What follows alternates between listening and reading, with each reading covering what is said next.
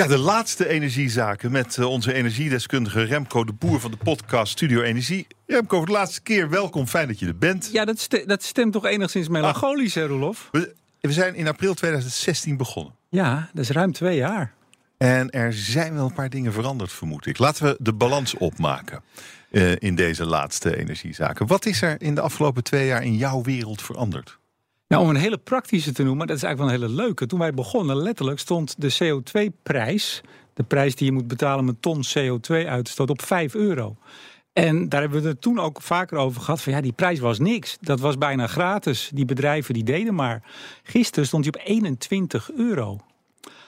Als je weet dat uh, de overheid wil in 2020 een minimumprijs van 18 euro invoeren in de elektriciteitssector, vooral hè, voor kolen, gas, omdat te reduceren. Dat hebben we dus al gehaald. Dus nou, dat is één ontwikkeling. Hè? Dus dat de prijs van het uitstoten, heel erg belangrijk om die, om die reductie voor elkaar te krijgen. Hoe duurder het is, ja, dan gaan bedrijven denken, we, moeten we moeten wat anders. Mhm. We moeten innoveren. Nou, dat is dus een hele concrete, van de eerste dag tot vandaag. Vier keer zo duur. Ja, doen ze ook. Vandaag stond ook in de krant dat uh, de prijs van groene energie in Nederland duurder is dan waar dan ook. Ja, maar dat is eigenlijk. De kop was niet helemaal. Hoewel het stond in het FD, dus dat was een heel goed artikel. Maar de kop was niet helemaal. Het gaat om die. Um, ook daar hebben we het vaak. Ja, ik kan, kan het steeds zeggen. Ook daar hebben we het vaak over gehad. Besproken. Groene energie is pas groene energie als je een, um, uh, een soort oorsprongscertificaat hebt. En wat zie je nou in Nederland gebeuren? Dat is op zich heel goed de druk, vooral van bijvoorbeeld milieuorganisaties, zeiden: we moeten niet van die Schumelstroom, we moeten niet een certificaatje uit het, uh, uit, uh, van, van uh, hoe heet het, waterkrachtstroom uit Noorwegen. Dat, dat voegt niks toe, dan is het wel officieel groen, maar niet. We moeten Hollandse wind. Hollandse zon. En nu zie je dat heel veel bedrijven, maar ook gemeenten, mm -hmm. die willen Hollandse zon en wind. Ja, en dan zie je dat we nog maar heel weinig hebben. Althans minder dan de vraag is. En dus gaat de prijs van die certificaten gaat omhoog. Ja. Dus het is meer die certificaten die veel duurder zijn dan andere. Ah, ah, okay. Maar ook maar, dat is een hele belangrijke ontwikkeling. Hè? Er is zeer, vraag, het, is, ja. het, het stuwt op. Ja, want aan de andere kant zien we natuurlijk dat uh, bijvoorbeeld de windparken vrij succesvol zijn geworden in het terugbrengen van de kosten van aanleg.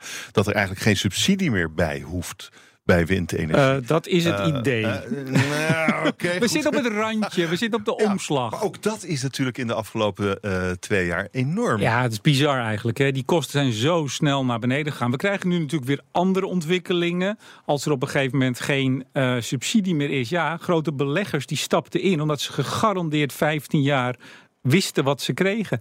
En nu wordt het afhankelijk van de stroomprijs. En die is heel volatiel. Die, die gaat alle kanten op. Dus in Denemarken zag je al dat uh, pensioenfondsen die heel belangrijk waren bij die eerste parken.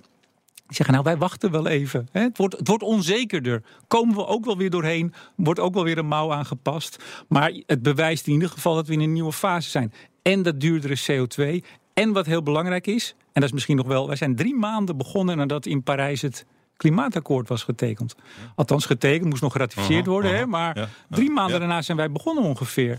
En je ziet nu, en dat vind ik eigenlijk de belangrijkste omslag die we gezien hebben in die twee, tweeënhalf jaar. Het was van energie toen we hier begonnen. Letterlijk. Hè, en eigenlijk is het nu veel meer het terugdringen van de uitstoot. Klimaat. Niet voor niks wordt er nu gewerkt aan een klimaatakkoord. Dat zou eerst energie en klimaat. En energie is er afgevallen. Het is het klimaatakkoord. En dat betekent dat het niet alleen maar de energiewereld treft, maar ons allemaal. Alle facetten van onze maatschappij worden nu geraakt. En dat, Sorry, maar nee, nee, nee, ga je... en, dat, en dat is ook uh, uh, wat de afgelopen 2,5 jaar uh, voor, voor mij ook zo interessant maakte met jou. De, je signaleerde ook de polarisatie die ontstaat. De, de, de, polarisatie tussen de fossiele boeven en de helden van de groene energie. Jij hebt, jij hebt laten zien dat het helemaal zo simpel en zo zwart-wit niet is. Het kan niet zonder elkaar. Het een hoeft niet per se weg ten gunste van het ander. In elk geval niet nu. Ander ding wat je hebt laten zien is uh, soms de doorgeslagen ambitie van vooral bestuurders. Die denken dat alles maakbaar is en dat woerden van het gas af kan. En, het beroemde letter, woerden. Letterlijk woerden. En uh, jij hebt daar steeds naar gekeken met de, met de blik van de ingenieur die je bent. Uh, wat zijn de feiten? En de feiten zijn voor jou altijd heilig. En dat vond ik mooi, want dat, daaraan ontbreekt het nog wel eens in de energietransitiediscussie, vind je niet? Ja, en, het, en wat ik ook het mooi vind, ook dat is een omslag en dat hebben we bereikt, maar het duurt nog wel even voordat we echt er doorheen zijn. Dat dat gat tussen die mooie woorden, de, de woerdense gemeenten, hè, die, die de wereld beloven en de hemel en de praktijk, dat wordt steeds duidelijker, dat verschil. Mm -hmm. Je moet met de billen bloot. Uh, alle sectoren moeten dus gaan reduceren. Dat gaat geld kosten, dat moeten we betalen. Die gemeenten moeten aan de slag.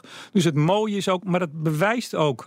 sorry bewijst ook dat het volwassen is, dat het een volwassen onderwerp is. Het is ook een politiek onderwerp. Hè? Dat is de laatste ontwikkeling die je natuurlijk heel erg hm. duidelijk ziet. Het verdelingsvraagstuk. Het is een politiek onderwerp geworden. Sibrand Buma, daar hadden we het eh, de ene laatste keer over. Hè, die ineens zei, ja mensen, het moet wel. Hè? We moeten geen tweedeling à la de Pim Fortuyn te krijgen.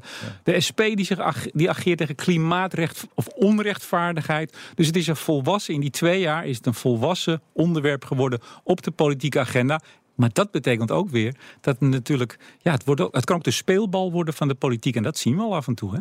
Het, het, het, blijft fascinerend de volgende jaren ook nog wel. Jij blijft wel uh, verslag doen van uh, de wereld van de energietransitie. Zeker in, op deze zender. Uh, ongetwijfeld. Niet meer iedere week vast om tien voor één bij jou. Maar ik zal ongetwijfeld af en toe langs fladderen. Nou, Studio Energie natuurlijk nog. en ik heb denk ik ook wel een klein nieuwtje. Ik ga, ben gevraagd door het Financieel Dagblad... om daar iedere twee weken een expertartikel achtergrondartikel te gaan schrijven over de transitie vanaf 10 september. Nou, kijk aan. Ik vind het, dus een, ik, ik vind het een verrijking en een, eh, en een mooie bijdrage. Uh, Remco, ik zeg hartelijk dank voor de afgelopen 2,5 jaar. En ik jou ook, Roelof. Heel veel dank. we, we, we blijven elkaar zien en horen. Remco de Boer voor de laatste keer was dit. Dankjewel. Dankjewel.